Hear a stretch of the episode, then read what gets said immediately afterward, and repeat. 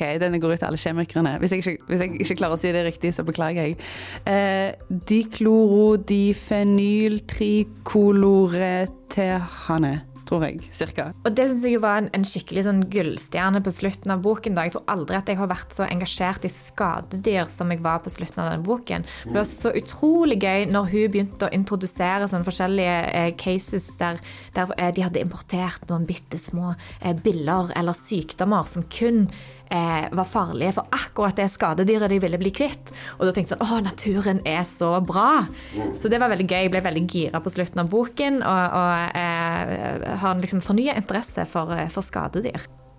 Velkommen til Sølvbergets klassikerpodkast. Jeg heter Tale Dobbert. Vanligvis så har dere jo eh, gått gjennom en haug med skjønnlitteratur med oss. Og denne sesongen så har vi valgt en litt annen vri, hvor vi skal snakke om sakprosa. Fordi hva har vel potensialet til å endre verden mer enn bøker som er basert på fakta, og eh, som tar for seg sannheter? Eh, I dag skal vi snakke om eh, 'Silent Spring', eller 'Den stille våren' av Rachel Carson. Og eh, Hanna, hva handler 'Silent Spring' om? Eh, jeg prøvde å finne en veldig lett måte å oppsummere hva Silent Spring handler om. Og den handler jo hovedsakelig om eh, sprøytemidler, og hvordan sprøytemidler påvirker jorden som vi lever på. Eh, og dette har eh, Rachel Carson gjort eh, gjennom å på en måte fokusere på hvordan sprøytemidlene og kjemikaliske midler da, påvirker helsen og miljøet eh, i matproduksjon. Og det er hovedsakelig sprøytemidler i Amerika. Tusen takk. Har du noen tilføye, Yngve? Nei, det er jo en grei beskrivelse, det. Hun, eh, men det er jo en bok med veldig, veldig mye kunnskap.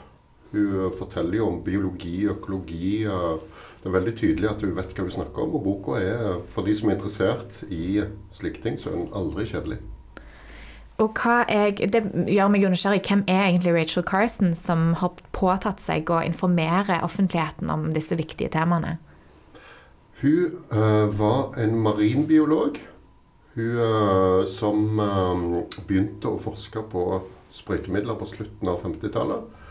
Og eh, etter hvert begynte å samle en del materiale. Hun var veldig glad i å skrive. Hun hadde begynt med å studere engelsk litteratur, så gikk hun over til zoologi. Og denne boka ble vel først trykt i The Boston Herald eller noe sånt, var det det? Jeg husker ikke nå. Men han ble eh, først eh, trykt i aviser, og så etter hvert så ble han gitt ut i bokform da, i 1962. Og den ble et skikkelig jordskjelv. Åh, det er jo et fantastisk ord. Et skikkelig jordskjelv. Ja, for hva, hva effekt har denne boken hatt eh, på ettertiden? Eller liksom, både i samtid, men òg i dag? Hvorfor leser vi boken i Klassikerpodkasten? Det er jo et veldig godt spørsmål. Um, fordi når jeg leste den, så tenkte jeg jo at uh, dette var jo mye sprøytemiddelfokus i starten. Men etter hvert, når jeg kom inn i boken, så begynte jeg jo på en måte å se disse her uh, tendensene til eh, hvordan sprøytemidler påvirker mennesker, og hvordan det eh, har en effekt på oss i dag. Da, og hvordan det har f.eks. en effekt på jordbruk, og hvordan man kan eh, drive, drifte jorden. Da.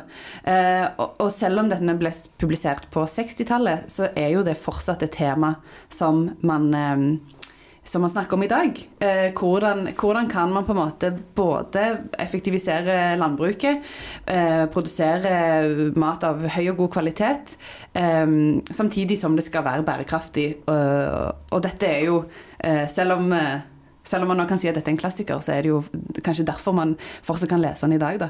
Men, eh, men du spurte jo også om eh, hvilke konsekvenser fikk eh, i sin tid. Og vi snakket jo litt om det når vi skulle velge ut denne boken, at den var jo med å påvirke eh, det å forby DDT. Og det er jo et veldig spennende, spennende punkt. Hva er DDT, Hanna? Ja, jeg har skrevet ned um, DDT, hva det på en måte er. Men jeg tror ikke jeg tør å si det høyt. Er det noen av dere som tør å si på en måte altså, hva det står for? Har det noe med DDE å gjøre? Mm, jeg vet ikke, kanskje de er inspirert? Men er det uh, Det er jo et giftstoff da, som uh, har blitt brukt uh, Det har vel blitt brukt ganske lenge i Afrika mot malariamygg, mener jeg. Og det ble brukt i landbruk. Jeg mener å huske at det ble utvikla under andre verdenskrig. Og Så mye mer enn det vet jeg ikke, for det er jo, ikke, det er jo heldigvis ikke aktuelt lenger med DDT. Mm. Det er ikke lov. Ja, så jeg har skrevet ut det hele ordet for DDT, da. Skal jeg prøve å si det høyt? Du kan prøve å si det høyt, og så blir sikkert eh, de biologene som hører på, veldig fornøyd, eller kjemikerne. Ah, ok, denne går ut til alle kjemikerne. Hvis jeg ikke, hvis jeg ikke klarer å si det riktig, så beklager jeg. Eh, Diklorodifenyltrikolorethane, tror jeg. Cirka. Men kanskje noen kan si det bedre. Veldig Et bra. helt vanlig ord i Ja. enkelte kretser.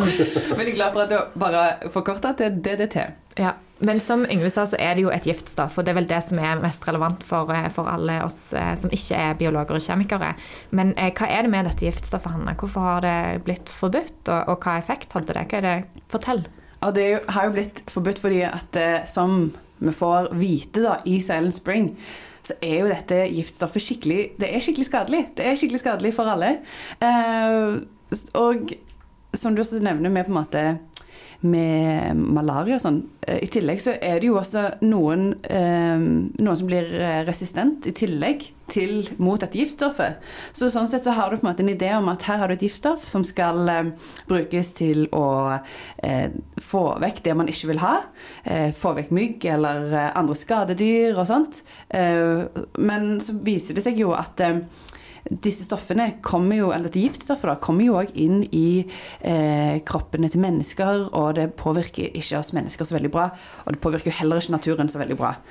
Ja, hva er det som skjer med eh, fordi at, som, som du egentlig var inne på nå, så har de jo brukt eh, DDT og andre plantevernsmidler og eh, dyrevernsmidler for, eh, for å få vekk skadedyr. Og det er jo noe vi er interessert i. ikke sant? Du, du vil jo ikke ha eh, hele terrassen full av mygg, eller eh, jordbruket full av eh, biller som spiser opp maisen din, f.eks. Men, men hva, hva skjer med disse billene når de spiser DDT? Da, det som skjer da, er jo at fuglene spiser disse billene som er full av DDT. Og da dør jo fuglene også, fordi de tåler heller ikke så veldig godt denne DDT-en. Og da kan vi jo f.eks. tenke har dette noe med tittelen på boken? Fordi når det ikke er noen fugler, og det blir vår og det, altså, Fuglekvitter er jo et sikkert vårtegn. Jeg har jo selv hørt litt fuglesang om morgenen nå som det begynner å bli litt lyst ute. Uh, og det er jo veldig, veldig fint. Så den, tenk det å stå opp og kjenne at våren begynner å komme, og ingen fuglekvitter. Men det er jo også andre, andre dyr også som blir jo som også blir påvirka av at, at de spiser hverandre. Så du tenker at vi må bry oss om dette selv om vi ikke bryr oss om fugler? Ja. For vi må bry oss om fin vårlyd. For eksempel så nevner de jo Robins, som på norsk heter rødstrupe. Eh, som er en typisk eh, et sånt eksempel da, i boken om eh, hvordan denne her fuglen eh, spiste eh, insekter som hadde blitt spraya av DDT. Eh, og- døde, da. Og da ble, helt, da ble jo det helt lydløst. Men i tillegg så er det jo også Det er jo ikke bare fugler, det er jo også bier som eh, blir drept av dette her eh, sprøytemiddelet. Som òg er jo en eh, lydfaktor gjennom, eh, gjennom årstidene. Som òg er jo en veldig sånn der I boken blir, skrevet, blir beskrevet som en sånn trist hendelse at det er ingen lyder fra biene. Ja. Jeg hører at du, du må være interessert i musikk, Hanne. Så mye fokus på lyd. Men hva med deg, Yngve? Hva er det du har tatt ut av eh, disse giftstoffene? Hvordan, eh, hva, hva har du lyst til å trekke fram som en uh, viktig ting som, som er et resultat av DDT eller andre giftstoffer? Det som jeg leser fra denne boka, er jo at den handler om økologi. Altså vil si samspillet mellom forskjellige biologiske arter. Og at naturen har en balanse som vi mennesker kan finne på å forstyrre da, vår eh, inngrepen. Og Carson hun uh, forska jo på eh, hvordan disse giftstoffene hadde langt større eh, ringvirkninger enn å bare drepe det vi, vi velger å kalle skadedyr. Og økologi det er jo noe som eh, vi mennesker egentlig har hatt et slags halvbevisst forhold til hele tida.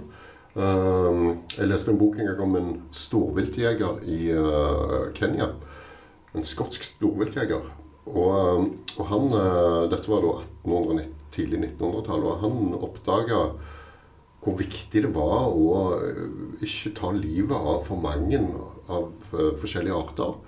Hvis han tok for eksempel, hvis, hvis han bodde i et område hvor uh, leoparder var en stor fare, f.eks., og uh, han hjalp de lokale folkene til å ta livet av en større flokk med leoparder, så plutselig så kom det forskjellige aper og spiste opp all maten deres. Fordi at de hadde ikke den naturlige fienden lenger. Så alt det handler jo om balanse, egentlig. Og det vi gjør, er at vi fucker opp balansen, rett og slett. Når, vi, når vi kjører på uten å tenke. Ja.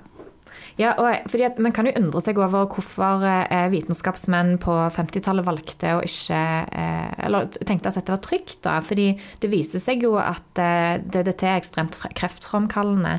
Um, eh, påvirker f.eks. reproduksjonsevnen hos dyr, men eh, mennesker har òg dødd på veldig brutale måter av eh, DDT-forgiftning. For dette ble jo ikke bare brukt i landbruket, men har òg blitt brukt eh, heftig i hager, f.eks. Og, og blitt eh, sluppet med fly over eh, boligområder. Eh, Så dette er jo veldig eh, forstyrrende. Hvordan kunne vitenskapen liksom tillate dette, eller myndighetene? For det første så er det jo sånn at uh, sånne effekter er jo noe man oppdager over tid. Og uh, jeg vil, vil jo tro at eh, de som brukte det til, gjorde det i beste mening. De oppdaga wow, dette funker jo kjempegodt mot skadedyr, så da bruker vi det. Og uh, så er det jo en del effekter som man bare ikke alltid kan forutse, egentlig. Men samtidig så må jo noen som har forska på Altså som er kjemikere, ha klart å slå to og to sammen. Altså gift. Kan det drepe biller, så kan det sikkert drepe andre ting òg. Det, det er jo ikke alltid sånn at et giftstoff eh, kun eh, dreper det man vil det skal drepe, sånn sett. Jeg tenker også at eh, Noe av det som kommer fram, er jo den ideen om at mennesker skal kunne kontrollere jorden og naturen. Og at for å kunne gjøre det, så vil, du, så vil menneskene prøve å få fram den perfekte eh, naturen ut ifra sitt behov. Eh, og da da er det perfekt med sånne sprøytemidler, for da kan, de, da kan de få vekk det de vil ikke ha, og så få mer av det de vil ha. Um, så, så det er jo litt sånn som du også sier med at man tenker at det kanskje var i beste mening, men det sier jo også litt om eh, menneskers eh, tanker om naturen også, da. Eh, og det hierarkiet som, som også Carson eh, klarer å skissere opp i boken, med at eh, Jeg føler nesten at hun tar et sånt der eh, næringshierarki, med at hun går liksom lavest ned. Der er liksom billene og marken og sånt. De skal vekk, fordi vi, vi mennesker skal ha fram noe annet. Men så viser det seg jo at men, men dette sprøytemiddelet spiser jo dyrene, eller det kommer over dem på tilfeldig andre måter, sånn som du sier, med, med, gjennom fly og sånt. Og så til slutt så kommer det inn f.eks. i melka, og så drikker menneskene melka, og så blir vi syke. Uh, Så du har liksom hele det hierarkiet um, i den tanken om at uh, mennesker prøver å kontrollere naturen, men så, så er vi ikke så smarte likevel. Og i tillegg så tenker jeg òg at kanskje Hun nevner jo ofte liksom eh, liksom the government, og at det er de som eh, står for dette. da. Så det er jo litt sånn, eh, som, Samtidig som det òg er jo fortellinger av personlige fortellinger om folk som har jo gjort eh, ulike ting som har skada dem, da. Men, eh, men det er liksom en tanke om en sånn eh, eh, makt her, da, med bruk av sprøytemidler. Ja, for hva, tidsepoke foregår dette i? Altså, hvordan, hvordan så USA ut i etterkrigstiden? Nei, det var jo eh, Da var jo USA på en måte den vestlige verdens ledestjerne. Eh, Det var jo de som hjalp Europa å komme på beina igjen etter eh, andre verdenskrig. De sto for de fleste nyvinningene. De eh, rulte jo hele underholdningsbransjen på denne tida. Det var vel omtrent når Beatles slo gjennom, men fram til da så stort sett all underholdning kom jo fra USA. Så det var jo et land veldig mange så til og så opp til. Ja, og det var, eh, Nå eh, legger jeg litt føringer her, men jeg er nysgjerrig på hva dere syns. Men det, Man kan jo beskrive denne perioden som ganske en maskulin tid. sant? At du skulle være sterk, og det var, det var liksom teknologisk og kjemisk fremskritt for alle pengene. Um, og det syns jeg var et interessant perspektiv i denne eh, boken. Fordi eh, jeg opplever det som at Carson løfter fram litt eh, myke verdier. Og det har jeg lyst til å knytte litt tilbake til det du sa tidligere, Hanna, om fuglesang f.eks. For ja, fordi eh, det som hun gjør, er jo at hun har mange sånne Eh, altså hun er jo, det er tydelig at hun er eh, en fagperson. Hun er kjempeproff. Hun, hun, har all kunnskap her på mm. dette temaet. Men for å gjøre det tilgjengelig for oss, så tar hun disse måte litt såre personlige fortellingene. Eh, F.eks. en dame som oppdaget eh, masse døde fugler i hagen.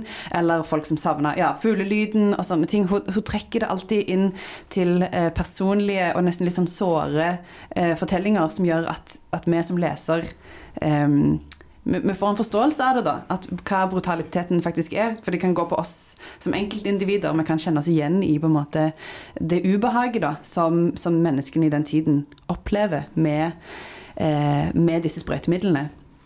Som, jo, ja, som er jo det der eh, kanskje litt mer sånn myke verdiene i det, da. At man får en, eh, man får en eh, sympati, da. Mm. Nå maler jo veldig mange bilder som man kan kjenne seg igjen i.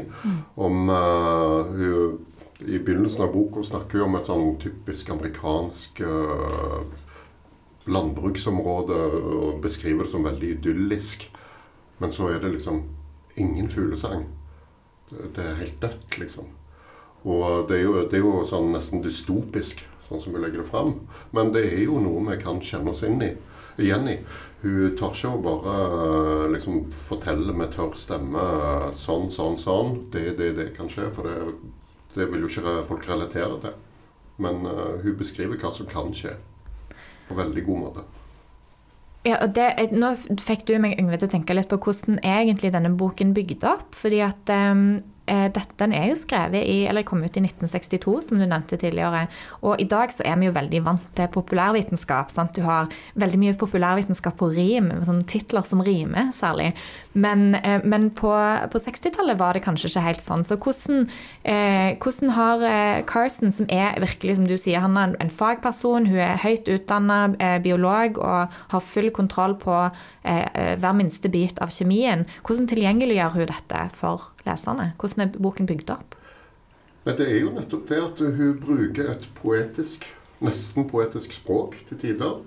Hun, eh, for på den tiden så innbiller jeg meg at de aller fleste vitenskapelige sakprosabøkene var drittkjedelige. Og det er bare ikke denne boka, for å si det sånn. Mm. Hun, um, hun, mestrer språket veldig godt gjennom, gjennomgående gjennom hele boka. Men samtidig skinner gjennom at hun, uh, hun, kan virkelig det hun snakker om. Og Det er kanskje uh, derfor òg vi kan si at dette er en bok som har overlevd. da. At det kan være en klassiker i dag. Fordi at hun, som du sier, eh, skriver på den måten hun gjør også. At det kan være tilgjengelig selv om, selv om, det har gått et par år, og selv om det har skjedd mye innenfor sprøytemiddel eller plantevernsmiddel, eller hvilket uh, ord vi ønsker å bruke om uh, denne giften da, som blir spredd. For hun var jo ikke den første som skrev om dette. Hun ble inspirert av andre vitenskapelige artikler og lignende, og ble nysgjerrig på dette med sprøytemiddel og giftstoffer. Og, uh, så det var jo sånn hun kom inn i det. Men ingen hadde skrevet om det på den samme måten. Ja. Så, det er jo et godt poeng. Det er jo faktisk en, en sammenfatning av mm. veldig veldig mye forskjellig forskning. Eh, og det er kanskje òg noe av verdien til boken. Sant? At hun gjorde det tilgjengelig. Hun gjorde massen av informasjon tilgjengelig i sånne små, spiselige biter for offentligheten. Mm. Og vi snakket jo litt om det i starten i forhold til hennes bakgrunn. da, Og det at hun var så interessert i å skrive eh, og studerte engelsk, men så gikk hun inn i den biologutdannelsen sin. Eh, og det som, som som var med det å studere biologi, da, var at da mente hun at nå hadde hun noe å skrive om.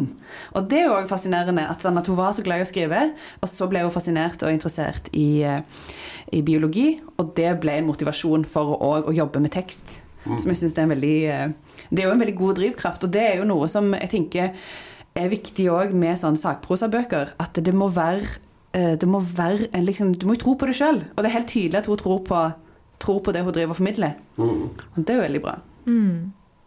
Og dette var jo virkelig Vi kan vel si at dette var hennes livsverk. Og, og Carson døde jo sjøl av kreft eh, bare to år etter boken kom ut. Mm. Eh, og dette det framstår i ettertid som det, det, å skrive ferdig boken var noe av, eh, av drivkraften for å holde ut før hun døde, da. Mm. Men det kan jo òg ha virka litt inn at du måtte jo stå i en skikkelig shitstorm etter at boka kom ut. Ja, for hva skjedde når boka kom ut? Nei, det skjedde mye. Um, du jo, du, det var jo veldig mange som ønska å sverte henne. Uh, og prøve å fremstille henne som en uh, hysterisk kvinne som ikke ante hva hun snakker om. Og det var vel uh, USDA, United States Department of Agriculture, som, som slapp løs en haug med rett og slett propagandafilmer som ble vist for å vise faren, fra, faren, med å gå vekk fra disse sprøytemidlene, og hvor viktige disse sprøytemidlene var. Og Det endte vel med at eh, president Kennedy satte sammen en komité som skulle forske, forske litt i påstandene hennes. Og de fant jo ut at du hadde helt fullstendig 100% vitenskapelig belegg for alt du skrev. Og uh, nå er jeg litt usikker på om dette kom fram før eller etter at hun gikk bort. da. Men de fleste prisene hun har vunnet, har hun da vunnet etter sin død. Jeg syns det var litt interessant med det, med det, eh, perspektivet å se på en av tingene Carson òg skriver om. Eh, I forhold til forskning og finansiering av forskning. Og dette er et tema jeg egentlig aldri hvis jeg er ærlig aldri hadde trodd jeg skulle interessere meg for. Men hun legger det jo fram på en veldig interessant måte når hun snakker om eh, eh, giftstoffer eller plantevern og dyrevernmidler eh, versus andre metoder. Det er jo et spennende tema her. fordi det er jo òg noe hun kritiserer litt. er jo det at eh, skal de som jobber med denne her eh, utviklingen av sprøytemidler og sånn, tør de egentlig å hva det, hva det heter liksom uh, Bite the hand that feeds you, uh, som hun nevner. Um, fordi at det er jo gode penger i dette. Så det er jo også litt det altså, Hva er det som blir finansiert, og hvorfor, og uh, hvordan påvirker det òg utviklingen? Som er jo et sånt spennende tema innenfor forskning, som jo er jo lett å um, Det er jo lett å tenke at man kan kritisere det, men så forstår man jo òg at at penger eh, styrer mye. Og at hvis du får eh, godt betalt, så kanskje er du villig til å, til å utvikle litt på tross av det du har av kunnskap. Nå er jo ikke dette noe som blir sånn spesifikt sagt i boken, da, men eh, det blir litt sånn sagt mellom linjene, kanskje. Nei, altså det er jo I en perfekt verden så, jo, så er jo all forskning helt selvstendig. Og uh, uten noen agenda bak. Men sånn er det jo bare ikke. For pengene må jo komme fra et sted. Og hvis forskningen er uheldig for de som kommer med pengene, så blir det jo ofte sånn at man uh, vil skyve det under teppet. Og uh, her var det sprøytemidler. Det har jo òg blitt forska på uh, global oppvarming ganske lenge. Og så er det litt sånn Vi skyver det under teppet, plystrer, ser en annen vei. Ja. Og, da blir det sånn. Men det som er veldig gøy, da, er jo at etter denne boken kom ut, så ble interessen for uh, biologi veldig mye større, eller òg økologi, ikke minst, som du eh, pekte på tidligere, Yngve. Uh, for det Carson jo sier, er at på, når hun holdt på å forske, så var det ekstremt få biologer som jobba med andre typer andre måter å, å beskytte jordbruket på, da, skal vi si det sånn. Mens det var veldig veldig mange av biologene som jobba innenfor eh, kjemi og, eh, og utvikle nye eh, giftstoffer og andre stoffer. Da. Mm. men som et direkte resultat av denne boken så endra trenden seg. Og, og hun tilskrives jo mye av æren for at økologi har fått en, en stor plass i USA og Europa. Hun regnes jo som den moderne miljøbevegelsens mor. Mm. Det var jo ikke snakket så mye om uh, miljøbevegelse før det. Men det, litt, det som er litt interessant òg, er at forskning er jo veldig mange forskjellige felt. Uh, en kjemiker uh, går ikke nødvendigvis rundt og tenker på det samme som en zoolog ville tenke på. Og en biolog. Så, så det er jo litt sammensatt, dette her. Mm. sånn sett. Ja, Det er et veldig godt poeng. også.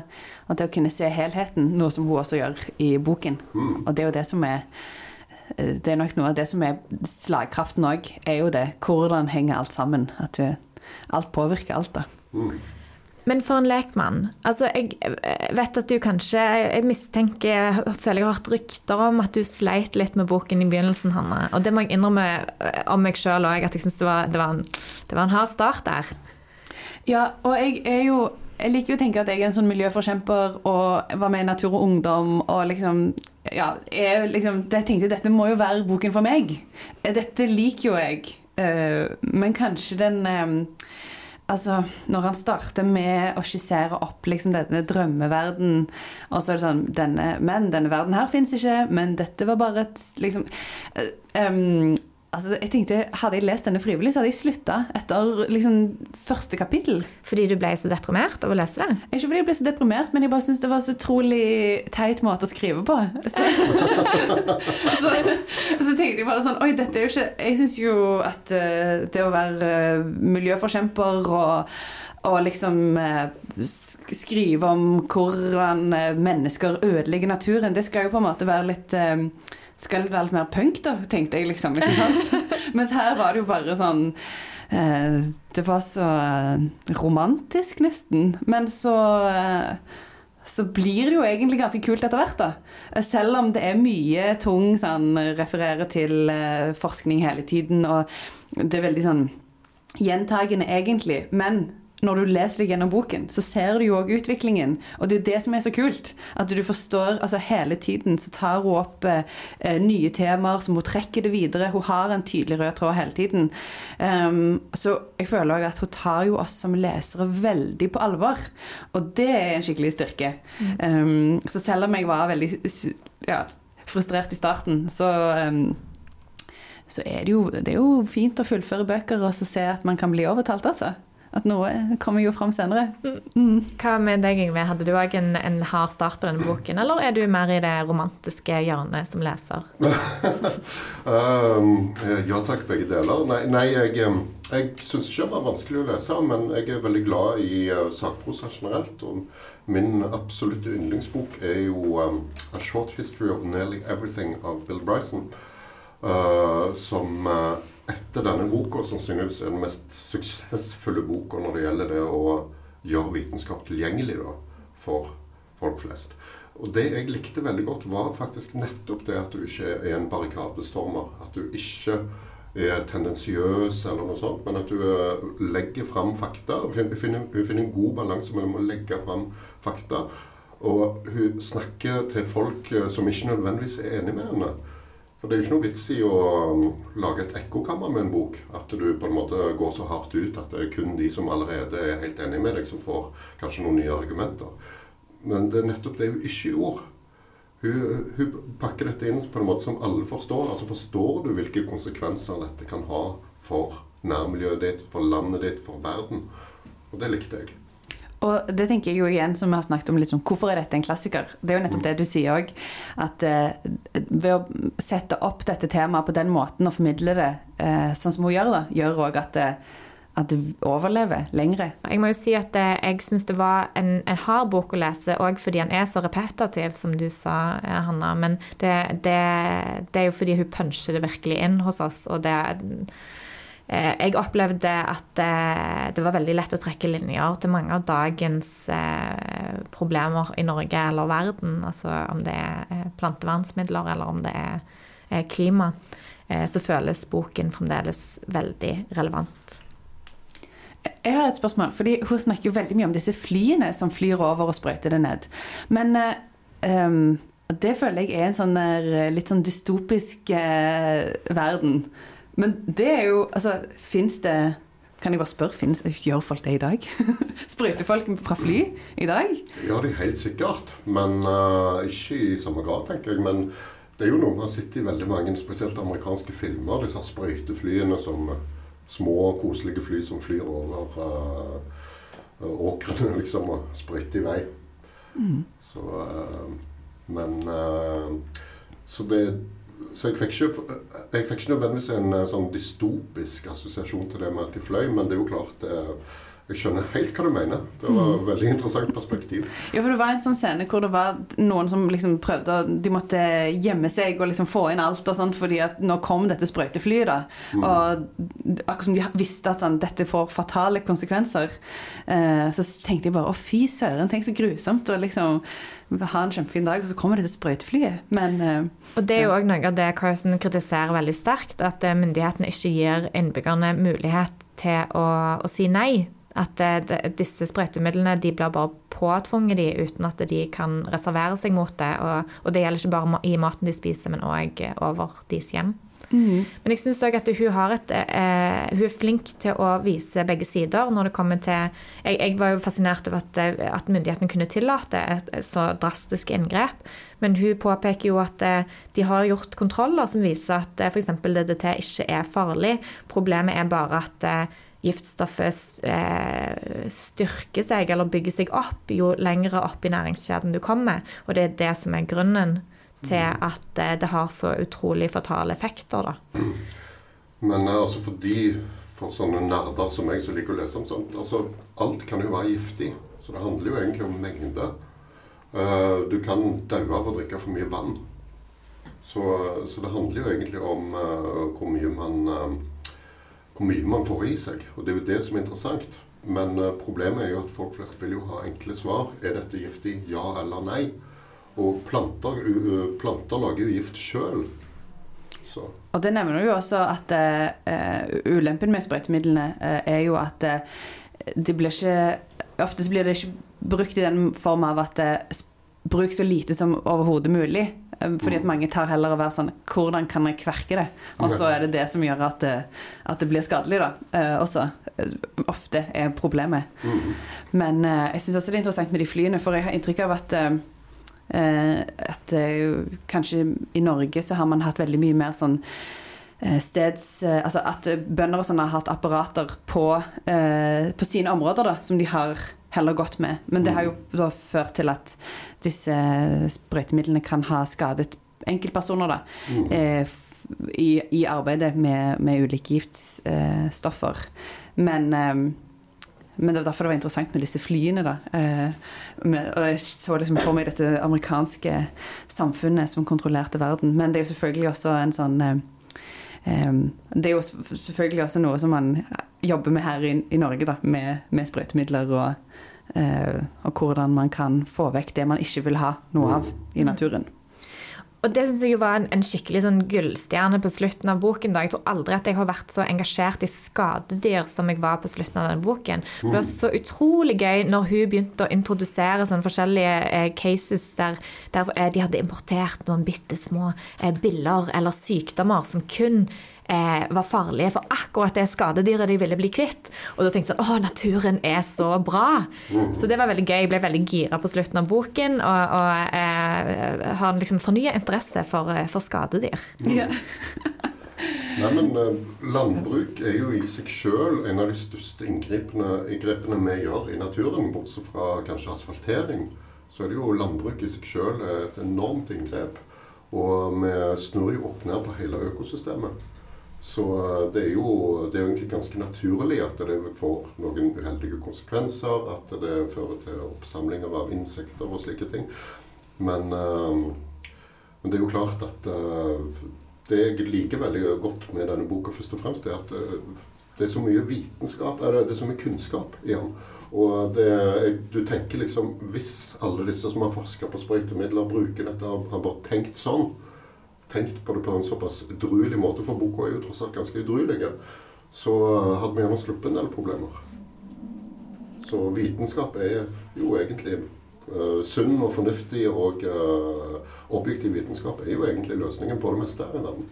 Og det var veldig fine ord eh, til avslutning. Tusen takk, Hanne og Yngve, for at dere kom for å snakke om, eh, om Silent Spring, eller Den tause våren. Kan jeg bare legge til eh, en ting som mange ikke vet? Eh, Rachel Carson-prisen har blitt delt ut i Stavanger siden 1991 i hennes navn. I fjor var det vel Maja Lunde som vant. Så det er ikke så veldig kjent, men det burde være litt mer kjent. Rett og slett. Nå rumler magen, magene våre, så nå jeg tror jeg det er på tide å ta lunsj. Ja, Tusen og takk. sprøytefritt. Sprøytefritt, ja. Ja. Økologisk. Brannfakkel. Ha det bra. Ha det godt.